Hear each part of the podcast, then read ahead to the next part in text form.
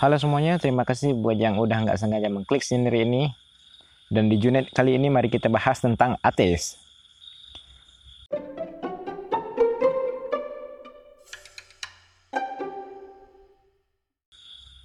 Baiklah, jadi di Junet kali ini aku menempatkannya lagi di sebuah video TikTok yang mana di situ ada tertulis tentang tulisannya sebagai berikut.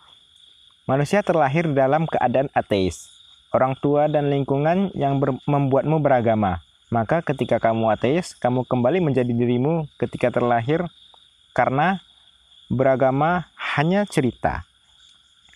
Nah, ketika ada seorang manusia yang hidup di yang hidup di Indonesia secara sadar membuat video dengan tulisan-tulisan seperti ini tentu saja akan kontroversial dan banyak komennya.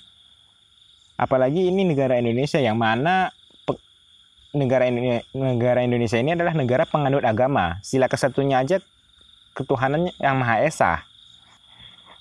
Dan di video itu ada 7600 komen. Emang emang gampang kayaknya nyari atau minta attention ke orang-orang Indonesia ini. Tinggal dibahas aja single aja hal-hal yang sensitif bagi mereka. Salah satunya itu agama agama ini merupakan salah satu isu isu yang sensitif sekali bagi orang Indonesia. Buktinya aja udah 7.600 orang yang komen. Dan mari kita bacakan beberapa komen di antaranya. Yang pertama ada dari akun Debi Gunawan. Kita adalah ateis ketika, ketika senang dan, dan beragama ketika susah. emang bener sih. Kebanyakan manusia itu ketika dia senang dia lupa akan beribadah dan ketika dia susah baru dia ingat oh saya punya Tuhan. Tuhan tolong saya. Namun ketika senang apa itu? Apa itu sholat? Apa itu sembayang saya ingin menikmati kesenangan saya sendiri sekarang Emang pada pada kenyataannya emang kayak gitu. Banyak orang yang ketika senang lupa akan Tuhannya dan ketika susah baru dia ingat akan Tuhannya. Banyak banget. Dan yang kedua ada dari Strukbus. Justru manusia terlahir bertuhan. Buktinya orang orang suku-suku pedalaman menyembah apa pun yang dianggapnya Tuhan. Dan aku rasa itu benar karena ada pernah sekali aku dengar kisah, nggak ingat aku dari mana kisahnya, lupa udah lama kali bahwa diceritakan bahwa ada orang-orang pedalaman yang tidak memiliki kontak sama sekali sama dunia luar.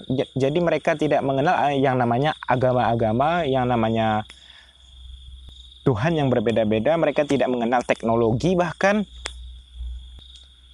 Jadi mereka tidak tahu bahwa di luar sana ada orang-orang yang beranggapan beda tentang Tuhan, bahwa ada beberapa agama di dunia luar mereka tidak tahu. Tapi yang mereka tahu pasti itu satu mereka percaya bahwa Tuhan itu ada. Makanya mereka menyembah apa yang menurut mereka agung, mereka menyembah apa yang menurut mereka memberi mereka rezeki dalam hidup. Jadi intinya walaupun mereka tidak tahu agama itu seperti apa, walaupun mereka tahu Tuhan itu seperti apa, walaupun mereka tidak tahu Tuhan itu yang mana, tapi mereka percaya bahwa Tuhan itu ada. Kayak gitu tuh orang-orang suku pedalamannya. Selanjutnya ada dari akun Panji Doyok. Ateis adalah sebuah sifat yang cenderung menyalahkan Tuhan tentang kisah hidupnya yang berliku-liku dan menjadi alasan untuk menyalahkan tentang hidupnya. Nah, memang banyak sih orang-orang yang menjadi ateis ketika, ketika mereka menghadapi masalah-masalah dalam hidup mereka.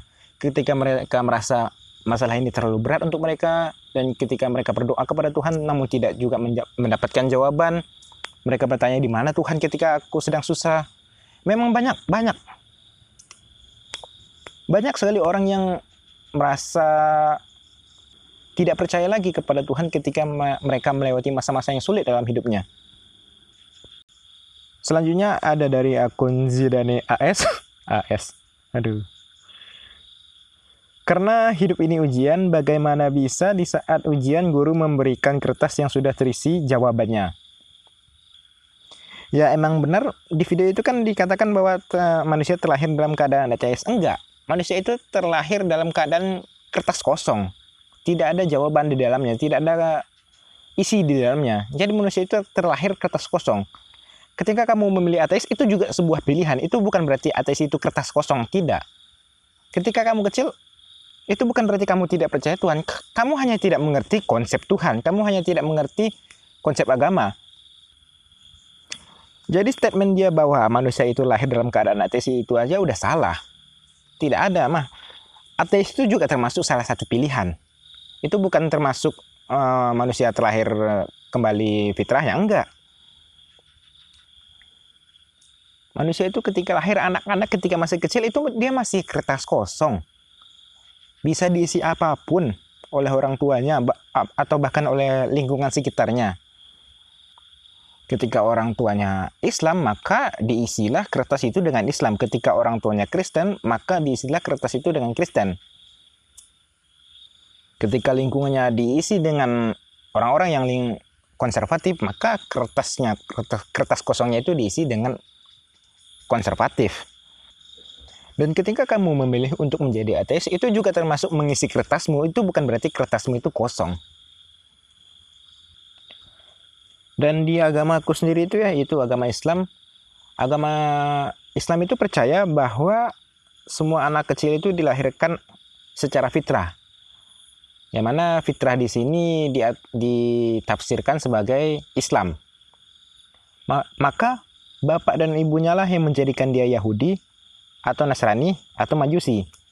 Jadi di agama Islam itu sendiri mereka uh, kita percaya bahwa semua anak itu terakhir Islam.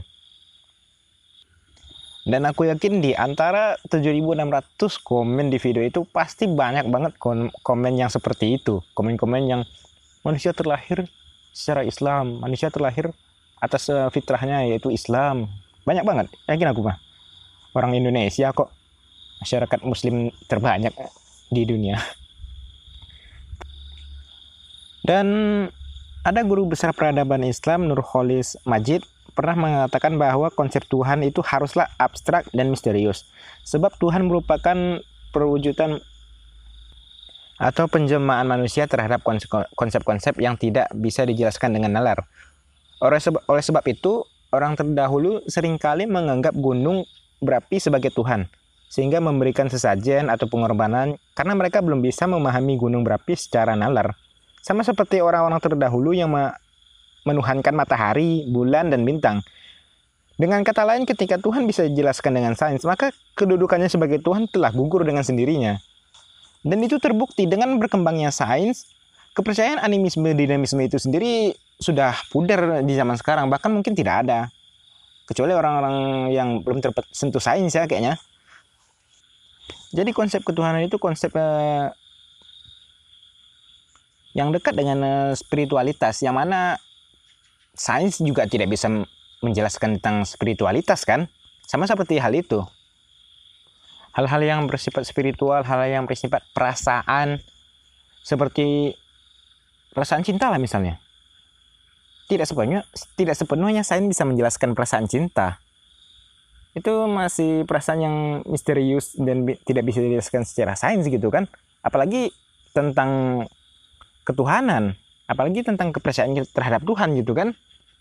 Itu lebih lagi di atas. Sedangkan sedangkan konsep perasaan terhadap manusia saja belum bisa dijelaskan secara penuh apalagi tentang kepercayaan terhadap Tuhan gitu